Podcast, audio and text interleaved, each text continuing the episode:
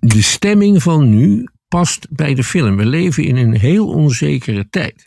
Het is wel duidelijk dat China zijn rol als wereldmacht aan het terugpakken is.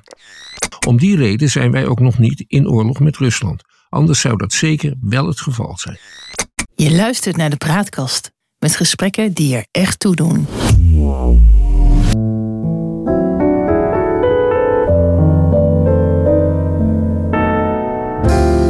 Welkom bij de Praatkast.nl. Dit is een aflevering van het Geheugenpaleis. Mijn naam is John Kneerdiem en samen met Han van der Horst maken we deze podcast.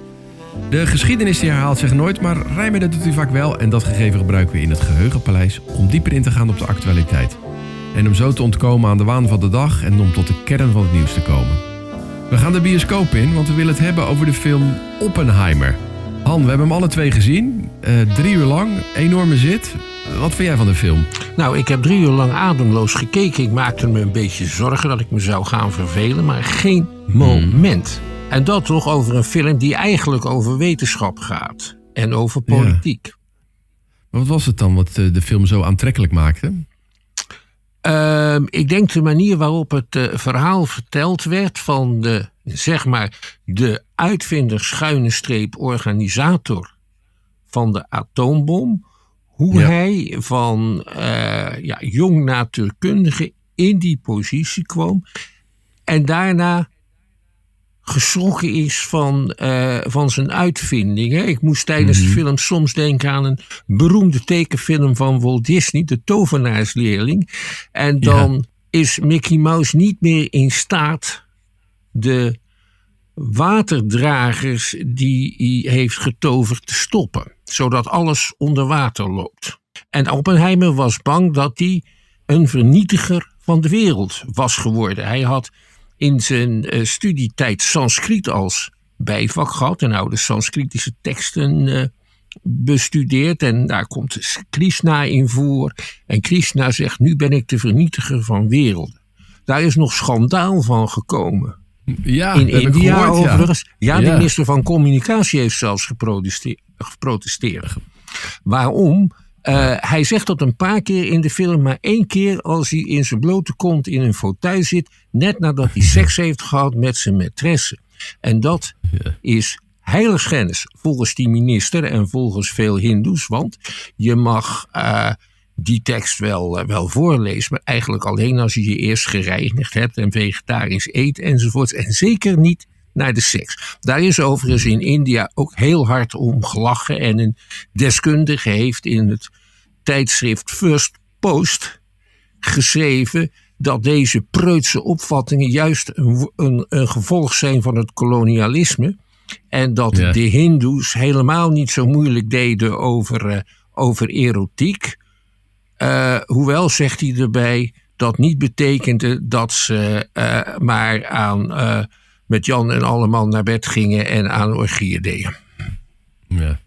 ja, en tegenwoordig heeft iedereen het recht om gekwetst te zijn en daarmee gelijk Ja. hele verdoemenis over de ander Ja. af te roepen. Ik heb ook alweer een tegenartikel erover gelezen. Die zei dat het allemaal weer wel kon. Maar laten we Ja. daar niet in vervallen. Want dat is, dat is slechts een, een byline in, de- in, de, hele, in de hele film. eh, ja. Wat vind jij van de film? Nou, ik vond hem eh, ook goed. Vond het niet zijn beste film van eh, Nolan. Eh, ik vond Tenet bijvoorbeeld wel heel goed van hem. Ik vond het ook wel een lange zit. En dat heb je altijd met van die biografieën. Dat het heel moeilijk is om in zo'n korte tijd het verhaal te vertellen. Daar zijn ze zeker die eerste twee uur heel goed in geslaagd. Met die flashbacks. En dan weer naar het, het, het heden. Zeg maar in de, als er gewerkt wordt aan die atoombom toe. En dan is er eigenlijk een césuur bij ongeveer het eh, einde van het tweede uur. En dan, dan komt er nog een heel gedeelte. waarin eigenlijk Oppenheimer weer eh, verdacht wordt van niet loyaal te zijn aan, eh, aan- aan Amerika. Misschien komen we daar nog over te praten ook. Maar ja, een, een, een bijzondere film. En wat ik ook zo bijzonder vind, vind is dat ehm, iedereen hem wil zien. En, en dat vind ik wel bijzonder. Dat is eigenlijk lang geleden dat ik dat heb meegemaakt. Dat mensen zeggen van ja, ik wil echt zo'n film zien. En dan heb ik het niet over de grote kaskrakers... eh, die er tegenwoordig zijn in de Marvel-series en dat soort zaken. Maar gewoon een ja, wat, wat apartere alternatieve film... die zo populair is ineens. Hoe verklaar jij dat? Ehm, ik denk dat de tijd er rijp eh, voor is. De film gaat ook over angst eh, voor de ondergang en over Ja. dreiging door vijanden. In zo'n tijd leven wij. En verder is het natuurlijk ook een hype. De film wordt op een uh, briljante wijze onder de aandacht gebracht. Als je in de kranten leest, die schrijven allemaal juist wel dat het Nolan zijn beste film is. Ja. En de enige die daar anders over denkt, en net zoals jij, is uh, de opiniemaker en journalist van de Varen, Francisco van Jolen, want die schreef precies hetzelfde. Ik zat ja. ademloos te kijken, maar let op. Het is natuurlijk ook mijn vakgeschiedenis. En ik dacht, die auto's kloppen ja. precies. En die pakken kloppen oh, precies. En wat heeft die man een geweldige hoed op de hele film. ik ben benieuwd of die in de mode komen. Ja, dat zou best wel weer kunnen. Er was wel iemand die had gezien dat de Amerikaanse vlag 50 sterren had. En in die tijd waren het er maar 48 of zo. Dat soort ja, dingen dat is ook maar zo. Ga, maar ik heb ja, die sterren niet geteld. Dat had jij. Nee, dat vind ik dan wel weer. Ja. dat vind ik dan wel weer bijzonder hoor. Daar gaat het helemaal niet over. Het gaat er eigenlijk over. En dat is ook wat ik het interessante vond. Over eigenlijk de fundamentele wetenschap. Mensen als Albert Einstein komt erin voor, uh, Niels Bohr uh, en een heleboel andere grote, uh, iemand als Heisenberg, die, en Edward Teller, als je er dan in verdiept, dat is de grondlegger van de waterstofbom. Dat zijn allemaal mensen die, die in een belangrijk tijdsgevricht eigenlijk bezig zijn geweest met een hele belangrijke ontwikkeling voor de wereld. Want je kan toch niet ja. anders constateren dan dat na de atoombom, of eigenlijk moet je zeggen de kernbom, uh, dat de wereld er anders uit is uh, gaan, uh, gaan zien. Zeker. Maar neem ons eens mee, Han, naar, naar eigenlijk het begin van de gedachte dat er iets zou kunnen zijn als een atoombom. die gedachte die begint langzaam te ontstaan in de jaren 20 en de jaren 30 onder vernieuwende natuurkundigen.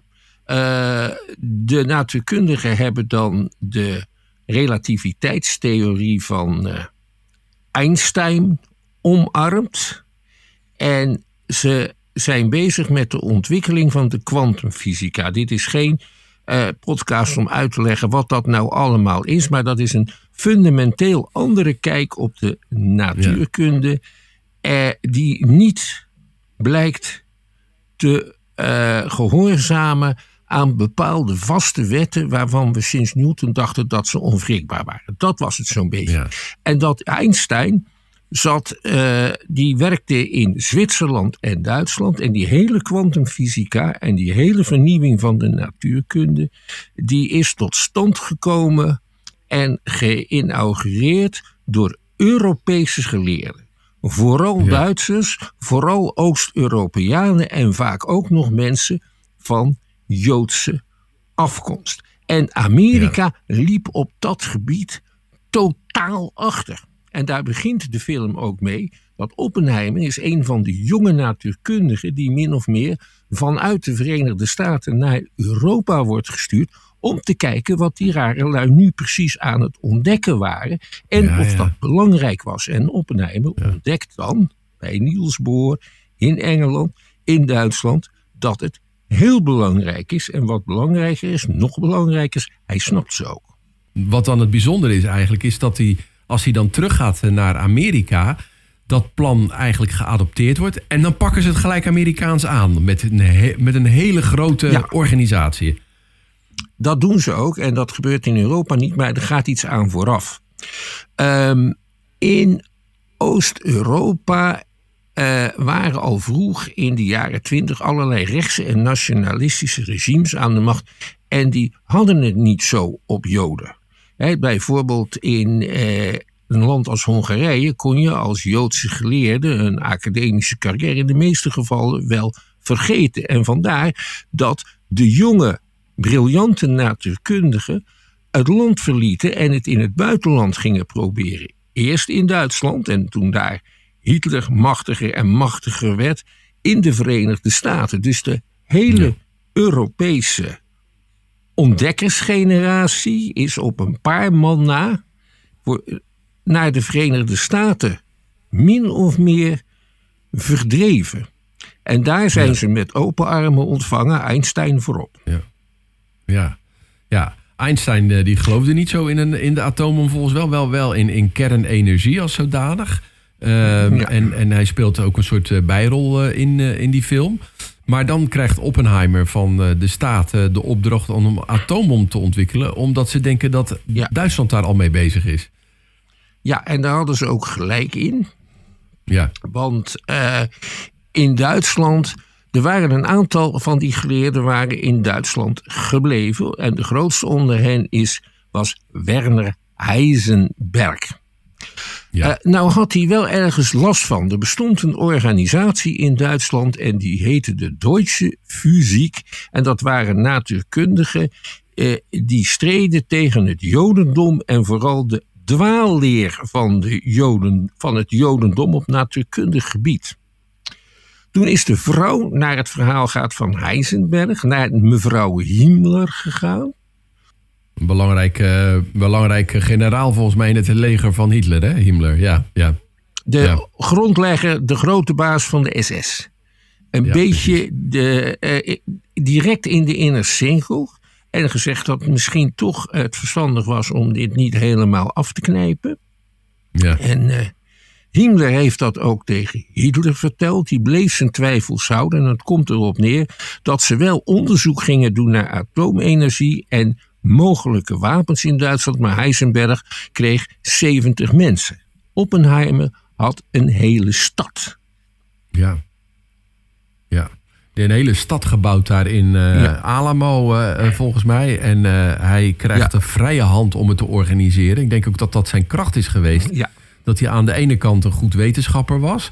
Maar toch ook in staat was om die verschillende disciplines te laten samenwerken. En ja. met een hele grote toewijding daar een heel dorp te bouwen. Allemaal gericht op het ontwikkelen van zo'n bom. En dat hebben de Duitsers niet gedaan. Want in het begin lopen de Duitsers nog een beetje voor, lijkt het ja, wel. Hè? in Duitsland is ook de eerste kernsplitsing tot stand gebracht.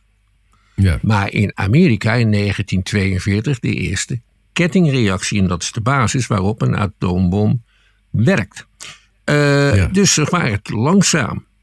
Uh, wat de geallieerden wel hebben gedaan, is ervoor gezorgd dat Niels Bohr, dat was een hoogleraar in eh, Kopenhagen, een van de grondleggers, dat hij via Zweden naar Engeland kon vluchten en daarna naar Amerika, zodat de Duitsers, die van plan waren hem te arresteren, zijn kennis niet meer konden gebruiken. Ja, ja. Ja. Er is trouwens nog nodig, iets wat ja. in de film ja. geen rol speelt, omdat het anders te ingewikkeld was geworden. Maar in 1945 zijn de Amerikanen, de Russen, de Engelsen en de Fransen op jacht gegaan naar natuurkundigen en naar raketgeleerden om te proberen er zoveel mogelijk in handen te krijgen. Tja. En die werden ingezet uh, voor hun eigen wapenontwikkeling.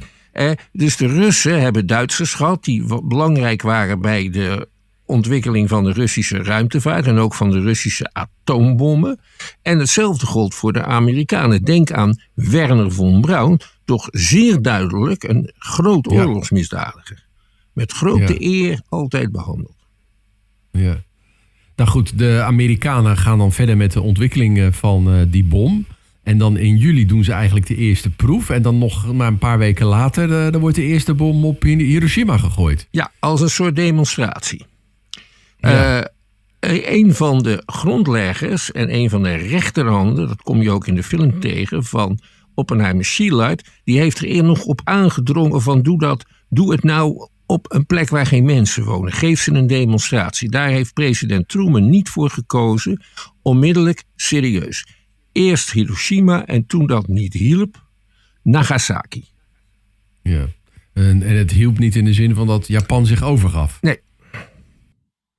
Maar die hebben ook weinig kans gehad om de impact te bekijken van die ramp. Ja, ja. Ja, want dat was natuurlijk uh, verschrikkelijk. Dat uh, herdenken we elk jaar nog op, uh, op wat was het, 6 of 8 augustus. Ja. in, in, in heel de wereld. de eerste bom die gegooid werd. Als je nou daarnaar kijkt, hè, wat, wat is dan de betekenis van het gooien van twee van die bommen door Amerika? Los van het feit dat Japan zich overgaf. Maar als je dat nou in wat breder perspectief zet, wat, wat voor con conclusie kan je dan trekken over de, de importantie daarvan? Dat je, als je die dingen eenmaal gaat gebruiken, de zaak uit de hand loopt en de mensheid wordt vernietigd. Om die reden zijn wij ook nog niet in oorlog met Rusland. Anders zou dat zeker wel het geval zijn. Maar dan draagt het dus daadwerkelijk bij aan het bewaken van de vrede. Dat is ook. contradi- een contradictie, maar Dat is het niet en dat was de theorie ook in de Koude Oorlog. Eh, van Ja. dankzij deze bewapening, atoombewapening, eh, kan niemand het risico nemen een oorlog te beginnen, een wereldoorlog. ja, Dus men moest zich behelpen door bijvoorbeeld opstanden te steunen in andere landen. ja. Hè, of, door, of, of, of met allerlei vormen van propaganda. Ja, dan even terug Ja, naar, die bom. Hè. Wa- in- in- op wat voor wijze... Ik heb zelf het gevoel... Ik had een gesprek met mijn, eh, met mijn zoon, met wie ik die film had gezien. En die zegt, ja, was eigenlijk niet nodig. Want Japan eh, die wilde zich misschien wel doodvechten... maar die hadden het toch wel verloren. En ik zei, ja, maar misschien was het toch ook meer een soort demonstratie... van de almacht van Amerika. En na het gooien van die bom... is eigenlijk Amerika de leider van de wereld geworden. Of is dat een te kort door de bocht de conclusie? Eh, dat speelt zeker een rol. Ik had een collega, heel lang, die in het Jappenkamp had gezeten en zei: Ik ben enorm voor die bom op Hiroshima, want die heeft mijn leven gered. Want we hadden al hongerroedeem in het kamp. Eh, Ja. Dus als je dit soort sommetjes gaat maken van hoeveel mensen zullen het overleven en hoeveel niet. En zonder die atoombom, hoe lang had de oorlog dan nog geduurd? Dat is eigenlijk vrij zinloos. Eh, het is een gruwelijke daad geweest. En tot die gruwelijke daden zijn wij in staat. En de mensen die over genoeg atoombommen beschikken, de leiders die daarover beschikken, die kunnen de wereld vernietigen. In ieder geval iets op gang brengen wat daartoe leidt. Ja, en de, de landen die nu een atoombom hebben, dat zijn Amerika, Rusland, Engeland, Frankrijk, India, Pakistan, China Ja. en Korea. En dat, India, Pakistan en Noord-Korea. Ja. Ja. En dan is eh, Iran is bezig er een te ontwikkelen. ja, Je ziet ook, Ja. omdat het duurt al jaren, dat dat nog niet zo makkelijk is. Ondanks het feit dat het ding al 80 jaar bestaat. Nee. ja, die centrifugefabrieken worden ook steeds vernietigd. We zijn een belangrijk land vergeten. Israël. Zuid-Afrika heeft er een gehad in de tijd van de apartheid. En Israël heeft, hebben, hebben, die houden dat geheim, maar het is een publiek geheim. En ze zijn ontwikkeld met behulp van Edward Teller. Door de Israëli's zelf. Hey, dan na, die, na de Tweede Wereldoorlog, dan, dan krijgen we de wapenwetloop. Daar moeten we misschien apart eh, weer eens over praten. En die wapenwetloop die komt eigenlijk ten einde eh, bij eh, als, als eh, Reagan en Gorbachev tot, tot, tot, verdere inperking daarvan komen. En het lijkt wel alsof we vanaf dat moment vergeten zijn dat er nog zoiets was als een atoombom. En pas sinds het feit dat Poetin dreigde met de bom, zijn we weer een beetje wakker geschud. Ja, want we waren eraan gewend geraakt dat die atoombommen zo'n beetje langzamerhand werden afgeschaft. Rusland en Amerika hebben afgesproken er heel veel uit te zetten, zeg maar, en te vernietigen. Een land als Oekraïne heeft onmiddellijk na de onafhankelijkheid afstand gedaan van de grote hoeveelheid atoombommen die ze hadden, omdat die nou eenmaal in dat land waren opgeslagen. En dat is nu allemaal anders geworden. Ja. Aan de ene kant door de acties van Poetin Ja. en aan de andere kant, Ja. en die acties zijn al ouder, eh, door die van Noord-Korea. Ja, en je ziet hoe goed het werkt, hè? want niemand durft deze volstrekt idiote dictator, die ook nog een, wereldwijd belangrijk drugshandelaar is, niemand durft hem aan te pakken. Serieus. Ja, je Ja. hebt het over eh, de leider van eh, Noord-Korea. Ja. de grote vriend van Trump. Ja. Even terug dan naar die, die, eh, die wapenwetloop, de Koude Oorlog. Ik herinner me niet, en wat ik erover gelezen heb, dat daar toen zeg maar openlijk gedreigd werd met het gebruik van de bom als mogelijkheid. Dat was meer iets wat, ja, Ja. wat niet uitgesproken werd, eh, maar waarvan iedereen wel wist dat het zo was. Dat is wel met de aanvang van de oorlog in Oekraïne veranderd. Eh, ja, dat wil zeggen, eh, Russische commentatoren die op regeringsgezinde zenders het woord voeren, die eh, hebben het over de atoombom en die dreigen ermee. Ja. Nou, maar goed, Poetin heeft ook openlijk gespeeld eh, met het gebruik van een tactisch Ja, eh, kernwapen. Ja, maar dat heeft hij toch in hele vage termen gedaan. En hij weet zelf ook wel dat als hij dat doet, dat dan de volgende dag Moskou aan de beurt is. Ja. En niet met een tactisch kernwapen. En volgens mij hebben de Chinezen ook tegen hem verteld dat hij dat vooral niet, niet moet doen. Ja, de- dus het werkt, hè? Maar dat afschrikkende effect, dat, dat blijkt in ieder geval, en dat lijkt in ieder geval tot nu toe eh, te werken. Als we nou eens doorgaan naar deze tijd. Ik heb het gevoel dat we ook weer op een soort ja, tijd, in een tijdsgevricht zitten. waarin de wereld hierna er fundamenteel anders uit zal zien dan wat we tot nu toe hebben gezien. En was dat misschien rond de Tweede Wereldoorlog de atoombom? Op dit moment zou je dat misschien kunnen zeggen van artificial intelligence. En dat is misschien wel een aardige parallel. Kan je daar iets wat over zeggen? Dat is eigenlijk ook wel zo. En dan moet je zeggen, we zijn zo'n beetje in 1941. Ja, Wat die, eh, eh, die in, art- kunstmatige intelligentie betreft. We weten dat het werkt. We kunnen er bepaalde dingen mee. We kunnen er nog geen echt serieuze dingen mee. En we weten ook dat het heel gevaarlijk kan worden op allerlei manieren. ja, En dat het onbeheersbaar kan worden op allerlei manieren, maar we weten nog niet hoe. En er zit nog een ander aspect aan, waarbij dan zeg maar in, in de 40 jaren Duitsland tegen de rest van de wereld eh, eh, dat was, zou maar zo zeggen. Of Duitsland en, en, zijn, eh, en, en, en de landen zoals Italië en Japan, die zich hebben verbonden met Duitsland. Op dit moment gaat het ook echt over China en de Verenigde Staten. Want die Chinezen zijn misschien wel een beetje verder. Ja, dat eh, is eh, moeilijk te zeggen natuurlijk. Dat Ja. weten we gewoon niet. Nee. Het is wel duidelijk dat China zijn rol als wereldmacht aan het terugpakken is. Ja, ja jij, jij is- zegt dat heel goed aan het terugpakken. Want dat was in, in lang geleden was dat al zo. Het is heel lang de grootste economie, echt duizenden jaar, de grootste economie van de wereld geweest. Ja, tijdje niet. Toen zijn ze overvleugeld door India in de tijd van de grootmogols, maar dat was ook maar een korte periode. En dat is pas fout gelopen eh, ten tijde van de industriële revolutie eh, hier in Europa. ja. En toen is het ten prooi gevallen aan het communisme. En eh, daardoor zijn ze behoorlijk achterop geraakt. En ze zijn nu bezig om zich te herpositioneren. En AI Ja. is eigenlijk het middel waarmee ze dat ook proberen te doen.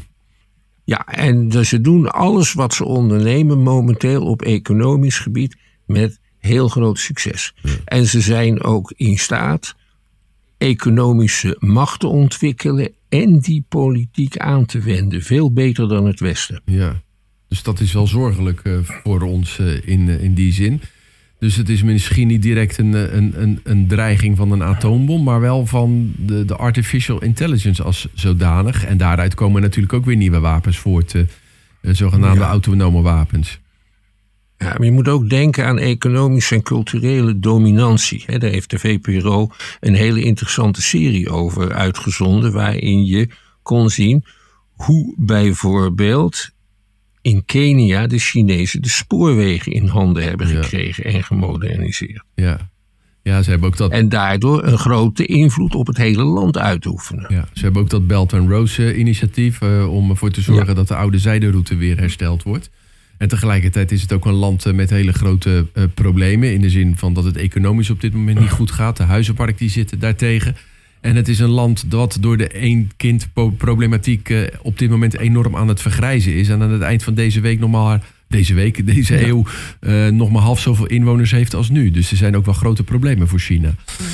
Maar goed, eh, ehm, denk je dat dat ook, zeg maar, ja, die overtuiging bij de mensen ertoe kan bijdragen dat ze denken van ja, we moeten die film zien, we moeten die Oppenheimer film zien en proberen het ook in dat licht te bekijken? Ik denk het wel. Hè. Je gaat naar die film omdat je in een bepaalde stemming bent. En de stemming van nu past bij de film. We leven in een heel onzekere tijd. Ja. We weten niet hoe het afloopt.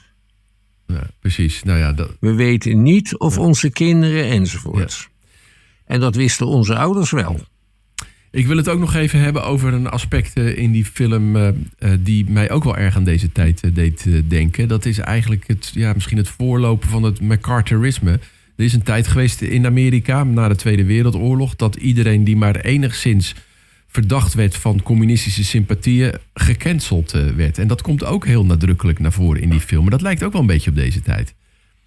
Dat lijkt heel erg op de manier waarop nu vanuit de sociale media en vanuit bepaalde politieke bewegingen tegenstanders worden aangepakt. In de tijd van McCarthy eh, was het de politiek. McCarthy was een republikeinse senator. Ja. eh, die heksenjachten ging organiseren, omdat je daar zo goed stemmen mee kon winnen. Ja. En ehm, dat betekende dat je dus probeerde overal spionnen te vinden. En eh, mensen die deel uitmaakten van de vijfde kolonne. En wat McCarthy deed was het leven van allerlei prominente intellectuelen en filmsterren en schrijvers nagaan om te zien of ze in de jaren dertig wel eens contacten hadden gehad met de communisten of daar misschien lid van de partij waren geweest gedurende een korte periode. Nou, en veel Amerikaanse intellectuelen en kunstenaars die hebben in de jaren 30 tijdens de grote crisis een tijdje linkse sympathieën gekoesterd. Dus die gingen wel eens naar dat soort vergaderingen. En die gaven wel eens eh, een, beetje, een beetje geld voor het goede doel. Hè. We zien in de film ook dat Oppenheimer eh, de oprichting van een vakbond van technici steunt. Die Ja. op de universiteiten, maar ook bij de Shell actief is. En dat wordt hem dan later nagedragen. Kan je zo iemand wel vertrouwen met atoomgeheim? Maar in wat voor zin eh, doet je dat dan aan deze tijd denken? Dat zie je nu ook, dat mensen hun verleden wordt opgerakeld. Dat ze zich voor van alles en nog wat moeten verantwoorden. En vooral dat ze weggezet worden als een soort verraders. Ja. Heb je voorbeelden daarvan hier in Nederland? Denk je bijvoorbeeld aan Sigrid Kaag, hoe zij Kaag. eh, eh, weggezet is? Ja. Met, eh, met Ja, haar school. ik moest daar en, sterk aan denken. Ja. Timmermans nu. Ja. aan de manier waarop, Timmer, waarop sorry, de, de- aan de manier waarop Oppenheimer wordt aangepakt Ja. in de film tijdens ja, een soort hoorzitting waar die moet verschijnen. De toon en de manier waarop dat gaat, dat doet heel erg daaraan denken. Maar tegenwoordig nogmaals word je door de sociale media gecanceld. Ja. En, eh, en niet door een senator en zijn vriendjes. Dat is het verschil. Ja.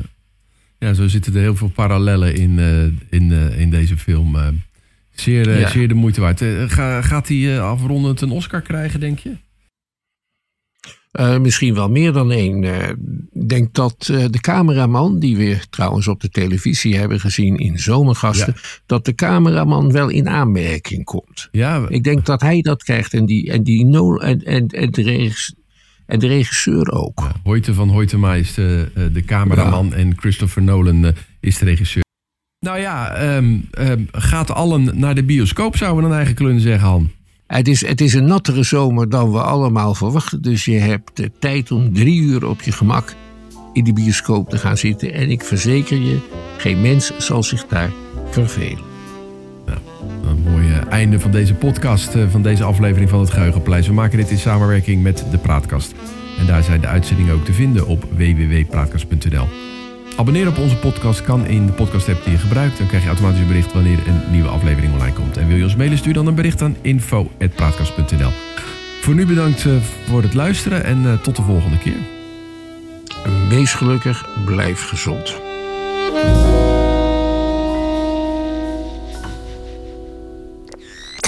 De Praatkast.